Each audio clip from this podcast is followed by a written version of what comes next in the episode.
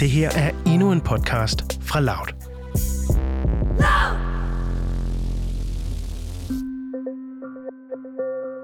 I den seneste tid har vi fulgt i hælene på en mand, som vi har valgt at kalde for TikTok-manden.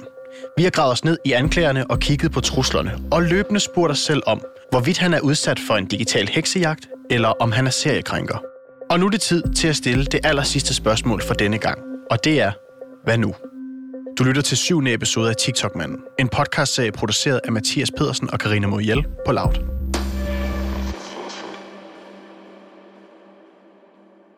Mathias, så er vi to jo ved at være ved vej sende, og det interessante ved den her historie er jo, at jo længere ned vi har gravet os i anklagerne og i de trusler, der var, jo flere spørgsmål er jo dukket op. Det vi to jo havde sat os for at undersøge var, hvorvidt der var tale om digital heksejagt på en uskyldig mand, eller hvorvidt han er en seriekrænker.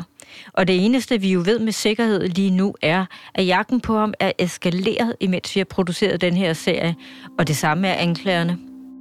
Ja, og det sidste, det så vi jo i den Facebook-gruppe med TikTok-mandens ofre, som lige nu har over 164 medlemmer. Der nåede vi jo at se, at inden vi blev sendt ud af døren derinde, at der blev delt nye historier om krænkelser og overgreb fra piger og unge kvinder, som vi to jo aldrig har haft kontakt med. Og vi har jo talt og skrevet med over 50 kvinder, hvoraf vi jo kun har formidlet de 13 af dem. Efter vi tog i afsnit 5 også talte med Hussein Ali, en TikTok-bruger, der selv har været ude og advare mod TikTok-manden, og som kunne fortælle, at personer med banderelationer også var ude efter ham, så ved vi også nu, at det, der i starten var måske kun få digitale trusler under hans TikTok-videoer, blev undervejs til rigtig mange trusler, og er måske ikke blot mere en digital trussel, men en reel. Og det stemmer jo meget godt overens med det, TikTok-manden selv fortalte os, da vi før vi gik i luften med denne podcast-serie havde aftalt et møde med ham, hvor han jo selv fortalte, at hvis han skulle i studiet til et interview, så skulle vi hente ham ude ved hans bil, fordi han fortalte, at han var bange for at blive skudt. Og siden da, så er det som om, han er gået helt under jorden. For vi finder ingen livstegn på ham nogen steder på de sociale medier. Nu har vi jo de seneste seks afsnit af den her podcast-serie hørt anklagerne og talt om truslerne. Og vi kender jo til en dom fra 2017 og ved, at der findes en hel del politianmeldelser på ham indgivet inden for de seneste 10 år. Så nu er det på tide få eksperterne på banen. Og lad os starte med politiet. For det spørgsmål, vi jo oftest får, det er, hvorfor er han ikke bag lås og slå, når nu omfanget er så stort? Men så enkelt er det ikke. Det og meget mere har vi talt med Flemming Kjærsid om, der er politikommissær for Rigspolitiets Cybercrime-enhed NC3, der arbejder med digital kriminalitet. Han kan ikke gå ind i konkrete personsager, så vi tog en overordnet snak om digitale krænkelsessager. Historien om TikTok-manden stammer jo helt tilbage fra 2008, så vi spurgte Flemme Kjærside, hvad gør man med nye anmeldelser, der går flere år tilbage? Jamen, det kan jo være svært at finde nogle digitale spor, som ligger tilbage i 2011. Men, men det vil jo være en, en del af efterforskningen, og så må vi sige, kan vi finde noget, eller kan vi ikke finde noget? Øh, men, men man vil jo gå ind og, og lave en afhøring af de her øh, mennesker ud og hvad er det, de har været udsat for? Kan den være genstand for forældelse? Der er forskellige forældelsesregler for, hvornår nogle ting er foregået. Og alle de ting, vi har lagt sammen, og så vil finder ud af, at, er det noget, som vi kan sigte og måske få drukket den pågældende for i dag. Og det vil sige, at hvis der er 12 øh, forurettede, som vi kalder det i politisprog, så er der 12 forurettede, som, som, som skal afhøres til sagen.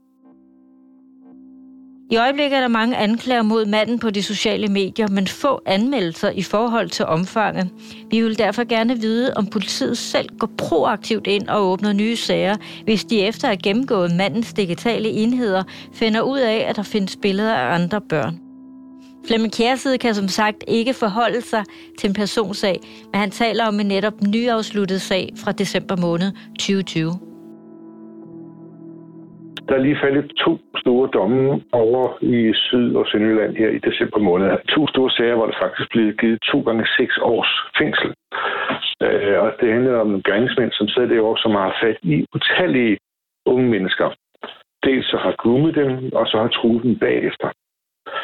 Øh, I de sager, der har så den startet op med, hvad skal vi sige, en enkelt anmeldelse, som har ført frem til, at vi har fået identificeret gerningsmanden. Så har vi fået fat i hans computer og beslaglagt den, og så har vi undersøgt den, og så har vi fundet ud af, jamen for pokker, han har fat i en masse andre unge mennesker. Det er godt nok ikke sager, som er anmeldt, men vi kan se, at, at, at de sager er også.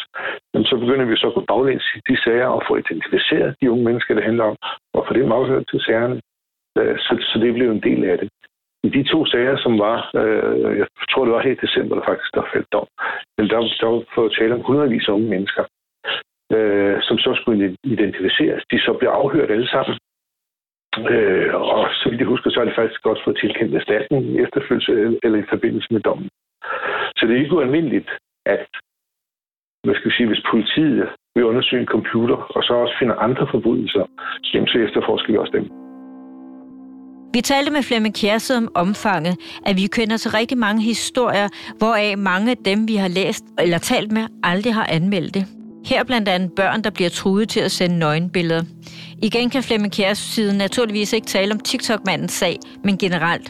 Og her peger Flemming side mod forældrene og deres ansvar. Der er vi nødt til at blive fat i, vores, i den pligt, vi har som forældre. Det er at, at tale med vores børn og være opmærksom på vores børn, og aldrig nogensinde at være fordømmende over for vores børn til at blive udsat for et fordi det oplever vi også, at forældrene skal skille ud og sige, I kan også bare lade være, og I er også altid på internettet, og I tager selfies og sådan noget ting. Øh, og hvis først man har skilt sine børn ud en gang, så kommer de i hvert fald ikke i fortrolighed og fortæller om ting. Vi skal have forældrene til at have den her dialog med børnene om, hvad er det, de oplever. Ligesom vi spørger om, hvordan det går i skolen, eller til spejder, eller til sport, så skal vi også tale om, hvordan er det gået på nettet, så børnene kan være fortrolige omkring det her. Så, så, så der, er, der er rigtig mange ting, som, som, vi skal, som vi skal sætte i spil med det her. Så, så, så jeg kan kun opfordre til, har man været udsat for noget, så skal man anmelde det. Vi har indtil nu haft to unge kvinder, der fortæller, at de er blevet voldtaget af TikTok-manden. Der er Cecilie, der i afsnit 4 fortalte om, hvordan hun som 14-årig i 2014 blev holdt indespærret i tre dage og voldtaget. Hun anmeldte det aldrig. Så er der Alena, der i afsnit 5 fortæller om, hvordan hun i 2017 blev voldtaget af TikTok-manden. Hun anmeldte til gengæld til politiet, der meldte tilbage, at de ikke fandt beviser på, at det var en voldtægt. Og så er der Stine fra afsnit 3, der fortæller, hvordan hun som 12-årig tilbage i 2012 lå i sin søsters seng sammen med søsteren. Hvor TikTok-manden kom ind og bag søsterens ryg, tog fat i hende, og som det nok hedder på jurasprog, krænkede hende seksuelt, dog uden at fuldbyrde et samleje. Og Stine har fortalt os, at hun her otte år senere har tænkt sig at gå til politiet og anmelde episoden.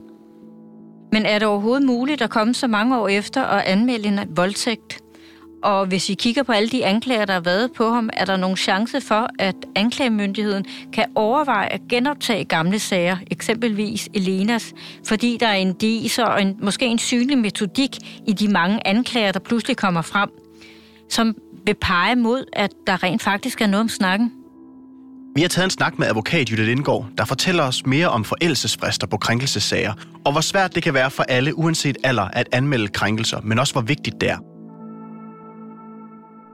Vi har en forældelsesbestemmelse i straffeloven, og hvis en sag er forældet, så bliver den jo ikke dømt så, så vil, vil man jo få frifindelse, hvis der er anlagt en sag, og det viser sig, at den er forældelse. Er det forældet, det gælder i straffesager, og det gælder i civile sager. Hvis du anmelder en skade, der er sket, eller i det her tilfælde, hvis taler en krænkelse, så vil det jo ofte være sværere, jo længere tid der går. Der vil være endnu færre vidner, Ofte er der jo slet ikke vidner til det her, men endnu færre vidner, og folk vil have endnu sværere ved at huske det, og også have lettere ved at sige, det kan jeg ikke huske, og så bliver det ved den øh, forklaring lagt til grund. Hvis der ikke er nogen fysiske beviser, ja, så er det jo de vidneudsagn, der er, eller de partsforklaringer, der ligger. Og det er jo ofte de sager, når vi taler om seksuelle krænkelser, så vil der jo ofte sjældent være vidner, fordi så var de måske slet ikke sket, de seksuelle krænkelser. Så, øh, så står det jo ord mod ord, og det er jo så det, dommerne skal se på, når de vurderer en sag. Og det kan selvfølgelig være vanskeligt, og der, der er det jo, at vi har sådan en regel om, at enhver rimelig begrundet tvivl skal komme den tiltalte til gode. Og så, så sker der selvfølgelig det ofte, at øh, politiet vurderer nogle gange, at den bevisbyrde vil de ikke kunne løfte, og så lader de være at rejse sager. Det synes jeg selvfølgelig personligt som advokat er betænkeligt, fordi jeg synes, det er dommerne, der skal beslutte, hvorvidt øh, der skal være en frifindelse eller ej, og ikke politiet. Vi spurgte Jytte Lindgaard, hvor stor en betydning gamle anklager eller politianmeldelser har i en eventuel retssag. Og her fortæller Jytte Lindgaard, at det som udgangspunkt ingen betydning har, medmindre der er rejst tiltale i hver enkelt sag. Altså nu vil jeg jo ikke sige, hvad politiet gør, men jeg kunne forestille mig, at hvis der ligger 12, lad os sige, øh, svage sager på grund af bevisets stilling. Hvis det så pludselig er således, at, at det politiet siger, nu har vi 12 sager inden for de her sidste tre år, så tror jeg, at politiet vil begynde at se et mønster. Men det er jo så op til politiet, fordi dommerne ser det kun, hvis der er rejst sagen, og politiet bringer det ind øh, for dommerne. Det kan højst komme i betragtning som et vidneudsagn, hvor en siger, sådan skete det også for mig. Men det tror jeg ikke, fordi det er jo ikke, det er ikke relevant i den pågældende sag, fordi det, han, han, hun skal dømmes for, det er det, der er rejst tiltale for. Så et billede, et, bare et gerningsbillede om, at, at denne, denne person gør sådan noget, det er ikke tilstrækkeligt, hvis ikke det kan komme for retten på en, på en seriøs måde. Flere af de kvinder, som vi har talt med i forbindelse med den her podcast, fortæller os, at de aldrig politianmeldt episoden. Jytte Lindgaard kan gennem sit arbejde som bistandsadvokat godt forstå, hvorfor nogle vælgere ikke at anmelde seksuelle krænkelser til politiet. Jeg kan godt forstå, at øh, nu taler vi om kvinder, det kunne også være mænd, at den, der er udsat for krænkelser, ikke anmelder på det pågældende tidspunkt. Vedkommende er så altså, hæmmet og så dårlig efter det, der er sket, at tanken om at skulle gennemgå det hele med politi, læge og indtil flere afhøringer og senere også i ret, er så afskrækkende, at man overvejer at sige, skal jeg ikke hellere se at komme videre? Så jeg kan sagtens forstå, at, at, det, at, man, at man afviger, at man ikke anmelder, fordi man synes, det er så meget, man skal igennem. Det er ærgerligt, og jeg håber da også, at det bliver bedre og bedre, således at der bliver flere og flere til at tage hånd om, om, om dem, der er blevet krænket, således at de kan føres igennem systemet, så vi får ligesom dømt de rigtige gerningsmænd. Og det er jo også vigtigt. Det er vigtigt at fordømme dem, der er rigtigt, og det er også vigtigt, at vi ikke dømmer nogen forkerte. Det er, det er en retssikkerhedsgaranti over for kvinderne, og så må man også sige, at det er også vigtigt, at de mænd, der skal dømmes, det skal dem, der har gjort det, og det skal dømmes for det, de har gjort. Og det skal de til gengæld også dømmes for, og derfor er det godt, at vi har fået den nye voldtægtsbestemmelse. Blandt de piger og unge kvinder, der har delt deres historier om både digitale som fysiske krænkelser, der er der mange, der har sagt, at de aldrig har anmeldt hændelsen. Det er også kendt viden, at det langt fra er alle fysiske overgreb, der bliver anmeldt. Ifølge det kriminalpræventive råd modtog politiet i 2019 1.662 anmeldelser om voldtægt eller forsøg på voldtægt. De skriver, at der findes mange mørketal inden for det her område, der mange fravælger at anmelde. Der er dog lavet en offerundersøgelse, hvoraf de mener, der er 11.400, der årligt bliver voldtaget eller forsøgt voldtaget. Det er et gennemsnit taget ud fra perioden 2017 til 2019. En af de ting, der er gået igen i mange af de anklager, der har været mod manden, det er, at han er pædofil. Og vi kan jo se, at flere har skrevet, at han var med i det program, som Henrik Portrup lavede, der hed Børnelokkerne. Det sidste, det er der dog intet, der tyder på. Vi skrev en besked til Henrik Kvartrup, der skrev tilbage, at han umiddelbart ikke kunne genkende hans navn. For udover de historier, vi har hørt om, hvor han beder børn og unge piger om at sende ham nøgenbilleder, og så de unge kvinder, der fortæller om overgreb, da de var henholdsvis 12 og 14 år, så er det eneste, han er blevet dømt for, er jo anden seksuelt forhold end samleje med en 12-årig. Derudover er der jo også en del af dem, der er ældre jo. Ja, for vi ved, at Alena, Lonnie og Line, som vi har haft med i programmet, og især Alena, der fortæller om en voldsom voldtægt i en swingerklub, de er jo over 18 år. Vi har talt med Per Frederiksen, psykolog hos Red Barne, for hvis vi går ud fra, at de her historier er sande, hvis TikTok-mand ikke er pædofil, hvad er han så? Per Frederiksen kan ikke tale direkte om personsager, men siger, at man skal passe på med at stemple folk som pædofile. Vi skal være meget forsigtige med at stemple folk med, som pædofile, alene på den baggrund, at de begår seksuelle overgreb mod børn. Det skal vi, fordi ser vi sådan statistisk på det, ser vi på dem, der bliver dømt for seksuelle overgreb mod børn, så er det, det er sådan set kun halvdelen af dem, der opfylder kriterierne for pædofili. Øh, hvis vi ser på den anden halvdel, jamen, så er vi jo netop ude i, hvor at der synes at være altså, øh, svært grænseoverskridende adfærd, øh, og hvor vi også i nogle tilfælde jo ser en grov ligegyldighed med andres øh, følelser, og hvor at det er kendetegnet også ved, at der kan være en, en stor mangel på at føle skyld hvis vi ser på nogle sager, hvor vi ser på nogen, som, som er, er dømt, altså hvor vi ligesom ved, hvad, hvad der ligger til grund, så, så ser vi jo også bare, altså vi må ikke, et af, man kan tale om, at der, der kan være en stor bredde på de sager, der er, men, men der er også en udvikling. Der er jo nogen, hvor at det, at det stopper øh, byen hurtigt, altså man kan sige, at det stopper øh, øh, uden at det ligesom bliver til øh, voldsomme seksuelle overgreb der er ikke noget, der ligesom viser, at det er fordi, at der ikke var nogen interesse i at bære det derhen. Altså, det er mere et spørgsmål om, hvor har det været i processen, og hvornår blev der involveret forældre eller andre, som ligesom sagde stop. Det, der undrer os, siden vi støtte på ham første gang, er, at han ikke gemmer sig, men nærmest omvendt adresserer anklagerne. Og hen over enkelte af hans TikTok-videoer har vi jo også kunne se, at han har skrevet, at han er kendt. Og igen kan jeg jo ikke sige noget lige øh, konkret om, om den her sag hvis vi, hvis vi taler mere sådan bredt ind i, sådan, hvad ligger der i, i vores viden omkring øh, personlighedsforstyrrelser, så ligger der jo nogen, som har lidt overlap. Øh, sådan øh, det svært narcissistiske har noget overlap med sådan det, det dyssociale. Øh, og det vil sige det her med at have øh, en manglende ansvarsfølelse, en manglende øh, evne til at føle skyld osv., øh, at der kan være et overlap til øh, det, øh, altså det, det, det er svært narcissistisk, altså det her, hvor man øh, jo netop øh, kan få noget ud af at, at være meget øh, selvpromoverende. Flere af de unge piger og kvinder, som vi har talt med, fortæller, at de føler skam, og her fortæller Per Frederiksen, at det ofte er noget, som gerningsmændene bruger mod deres ofre. Det er altså virkelig noget af, af kimen her. Og det er ikke noget, som synes at være gået øh, de, der manipulerer med børnene, øh, gået deres næse forbi. Det bliver ofte anvendt mod børnene, at jamen, du, du skrev selv hej tilbage, eller du delte selv et billede, og du skal vide, at øh, det er dig, der har øh, ligesom øh, været med i det her. Det bliver, det bliver meget, meget tit nævnt, så det bliver misbrugt den her øh, tillid, som der kan have været vist for barnet, og, og, og skyld og skam for, for alvor lov at vokse tit, og er jo virkelig motoren i, øh, i, øh, i at presse børn til at gøre noget, som de, øh, de jo ellers ikke vil gøre. Så øh, det her det er noget, hvor at der skal arbejdes med. Øh, der bliver udviklet øh, undervisningsmateriale både til øh, udskoling til mellemtrin. Der bliver, øh, og, og der er jo fast rådgivning. Altså, det er jo sådan, alle børn og unge, der oplever det her, øh, må kontakte Red Barnets øh, slette øh, tjeneste.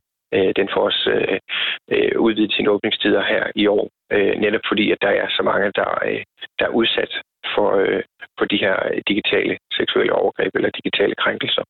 Øh, så så, så det, man kan sige, det er jo virkelig øh, en af de helt store indsatser, det er at sikre, at der er en hjælp at hente. Fordi vi kan se, at det kan virkelig gøre en afgørende forskel, at man har nogen, man kan kontakte. Så vi har ligesom øh, professionelle eksperter til at sidde klar ved de, øh, de telefoner på chat og, og, og mail, øh, hvis det til netop at håndtere de her sager.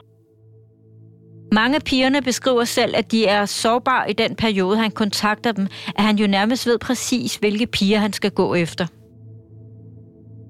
Særligt når vi ser det her, hvor der bliver kontaktet rigtig mange via, via sociale medier, det er, at der er jo simpelthen en sortering i det, øh, som, som er, er, kan man synes, yderst urimeligt.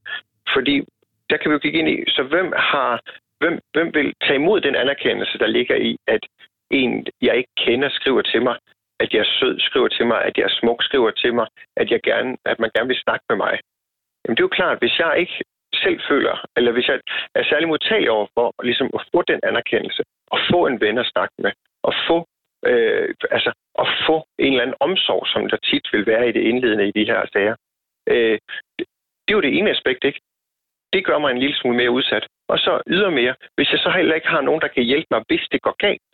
Hvis jeg ikke lige har nogen omkring mig, som jeg stoler på, hvis jeg ikke lige er på talefod med min familie eller mine forældre osv., jamen det er også noget af det, vi ser i, i de her processer. Vi kan også se, når vi ser ind i processerne, at det er ligesom et trin, hvor der bliver øh, gået igennem, og tit bliver skrevet ud af, kan jeg være sikker på, at det her det er vores hemmelighed? Kan jeg være sikker på, at, at du ikke øh, siger det her til nogen? Og hvis svaret der er, jamen jeg, jeg taler slet ikke med mine forældre, øh, jamen så, så bliver der da lige lagt lidt mere pres på der, end hvis svaret er, Jamen, jeg har faktisk allerede øh, talt med mine forældre om, at jeg synes, det her det er en dårlig snak, vi har sammen. Mathias, vi så jo ved vejs ende for denne her gang. Gennem hele serien har vi jo stillet os selv et spørgsmål, og det var, om det her var en digital klapjagt på en mand, eller om vi har med en seriekrænker at gøre. For jagten og det, vi ser som trusselniveauet mod ham, er jo eskaleret, siden vi startede med at grave os ned i historien om TikTok-manden. Og jo reelt noget, han selv har bekræftet over for os to. Om han er en seriekrænker, det kan vi ikke sige på nuværende tidspunkt. Vi ved, der faldt en dom i marts 2017, og at der har været mindst syv politianmeldelser på ham gennem årene, og at en stor del af dem er lagt ned igen. Og vi ved også, at der burde være to åbne politisager mod ham lige nu. Hvor den ene anmelder, Nadas mor Malene, har fortalt os, at politiet skulle have gennemgået hans digitale enheder, hvor de fandt en video af Nada. Vi ved jo ikke, om han har valgt at slette sine profiler på de sociale medier, men valgt at downloade materiale til mobilen eller computeren, og det er der, politiet har fundet videoen af hende. Og hvis de kunne finde den, må ikke de så også kan finde andre af de billeder, der er blevet talt om på de forskellige Facebook-tråde, for så har han jo enten ikke kendskab til, eller følt behov for at slette sin digitale spor. Dem Kjærside fra NC3 bekræftede jo også, at hvis de ved en undersøgelse finder nye billeder af børn, vil politiet selv proaktivt gå ind og undersøge sagerne. Der kan sagtens gå en rum tid fra anmeldelse til tiltale og så videre til en retssag, så lige nu må vi vente med at få svar på, om han er en seriekrænker. Men af de anklager, vi har hørt indtil nu sande, så er det jo et stort rungende ja. Det har jo til tider været en virkelig frustrerende sag at følge. Vi har jo brugt en hel del tid på at indhente agtindsigter i politianmeldelser, og det er jo ikke alt, politiet har haft lyst til at dele med os, så nogle af dem har vi jo nærmest måttet søge flere gange. Vi har også kunne læse på Facebook, at der er mange flere piger og unge kvinder, der fortæller, at de har politianmeldt ham, som vi to jo ikke har kunne indhente agtindsigt på, da vi hverken har dato, politikreds eller et politijournallummer. Så vi har en klar formodning om, at der kan ligge flere åbne anmeldelser hos politiet, som vi to ikke har adgang til. Og så har vi jo haft en del, som har valgt at springe fra lige ind i interviewet. Noget, man jo ikke kan bebrejde dem, da vi har kunne se, hvor meget det har påvirket alle dem, vi har interviewet, at skulle rode op i overgreb, der måske ligger mange år tilbage. Vi kunne se på både Cecilie Fosk Knudsen og Alena, at det på ingen måde var nemt. Det interessante er jo også, at når der kommer så stort fokus på en person, så man kan jo opleve, at der har været på TikTok-manden på de sociale medier det seneste år, så har vi jo oplevet, at der pludselig er dukket nye kilder op, som gerne vil deltage, hvor vi jo har haft lidt svært ved at placere deres oplevelser, og derfor i sidste ende har fravalgt at tage dem med. Vi har også hørt fra en kilde, at han skulle have været for retten i september, og der skulle han have fået en dom på 11,5 måneds fængsel. Vi var blevet lovet kopi af retsdokumenterne, politijournalnummer, alt, og har rykket for det mange gange, men simpelthen uden held. Vi har også kontaktet politiet og Københavns Byret. Det hjalp heller ikke. Så vi kan simpelthen ikke dokumentere det.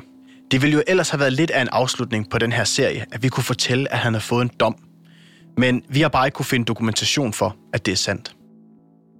En del af det, vi to jo sidder tilbage med, efter at grave os ned i historierne om TikTok-manden, er jo omfanget af anklager og historier om ham. Og da vi jo ved, at der inden for digitale seksuelle krænkelser er mange, der aldrig anmelder, og derfor mange mørkeltal. Og noget, som det kriminalpræventive råd jo også fortæller, at der er inden for fysiske overgreb.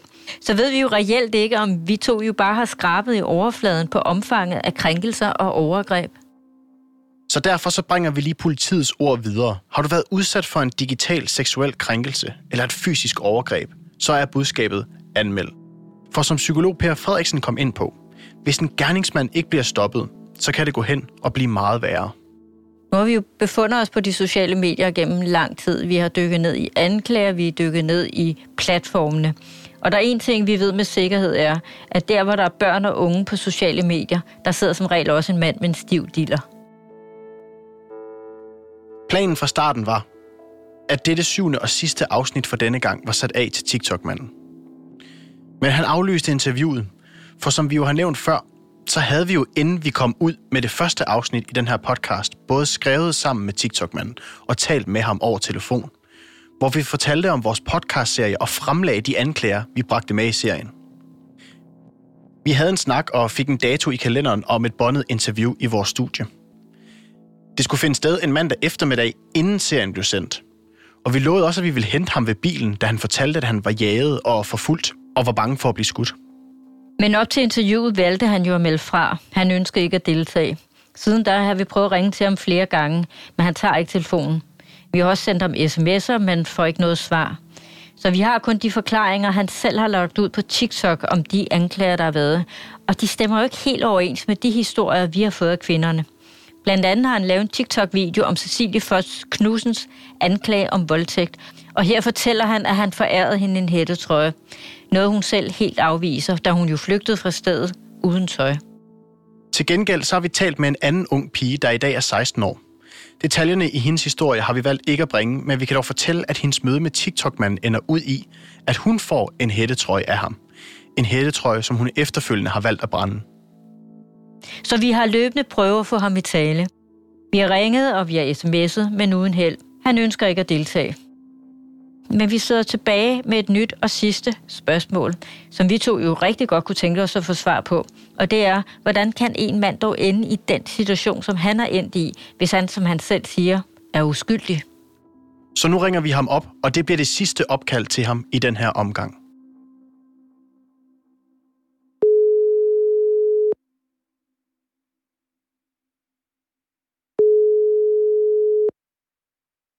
Velkommen til Leica Mobile voicemail system. Dit opkald er blevet videresendt til et automatisk talebeskedssystem. Optag din besked efter tonen.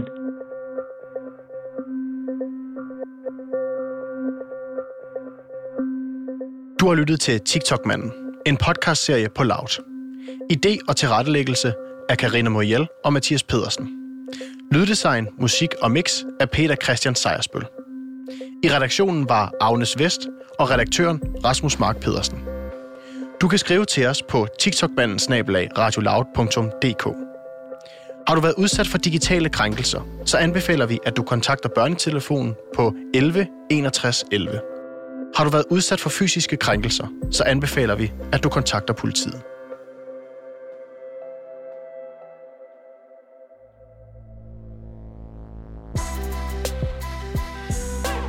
Det her var endnu en podcast fra Loud. Hvis du kunne lide den her podcast, så vil du måske også kunne lide denne her. Jeg, jeg tror faktisk, jeg er meget overrasket over, at meget af mit tøj er fra Kina. Øh, I hvert fald i forhold til også, hvor meget menneskeretskrænkelse der er i Kina.